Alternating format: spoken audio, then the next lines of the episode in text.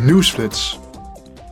Morgen houdt de Commissie Buitenlandse Zaken een hoorzitting over de betrekkingen van de EU met Latijns-Amerika. Deze regio is namelijk van strategisch belang voor de EU. Daarnaast hebben beide regio's een lang gedeelde geschiedenis op het gebied van gemeenschappelijke waarden en cultuur.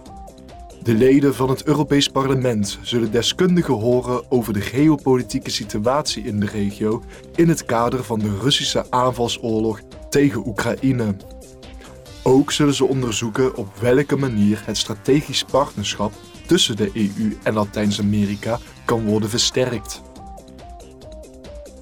Ook de Commissie Vrouwenrechten en Gendergelijkheid heeft morgen een hoorzitting. Zij zullen het in Brussel hebben over de genderaspecten van defensie, vrede en veiligheid. De sprekers zullen zich hierbij vooral richten op de gevolgen van gewapende conflicten voor vrouwen en kinderen. Gisteren was het de Internationale Dag van de Biodiversiteit. Dit jaar stond de dag in het teken van From Agreement to Action, Build Back Biodiversity. Oftewel, van overeenkomst tot actie, herstel de biodiversiteit. Het Europees Parlement heeft afgelopen april een nieuwe verordening aangenomen om klimaatverandering tegen te gaan en de ontbossing wereldwijd te beperken.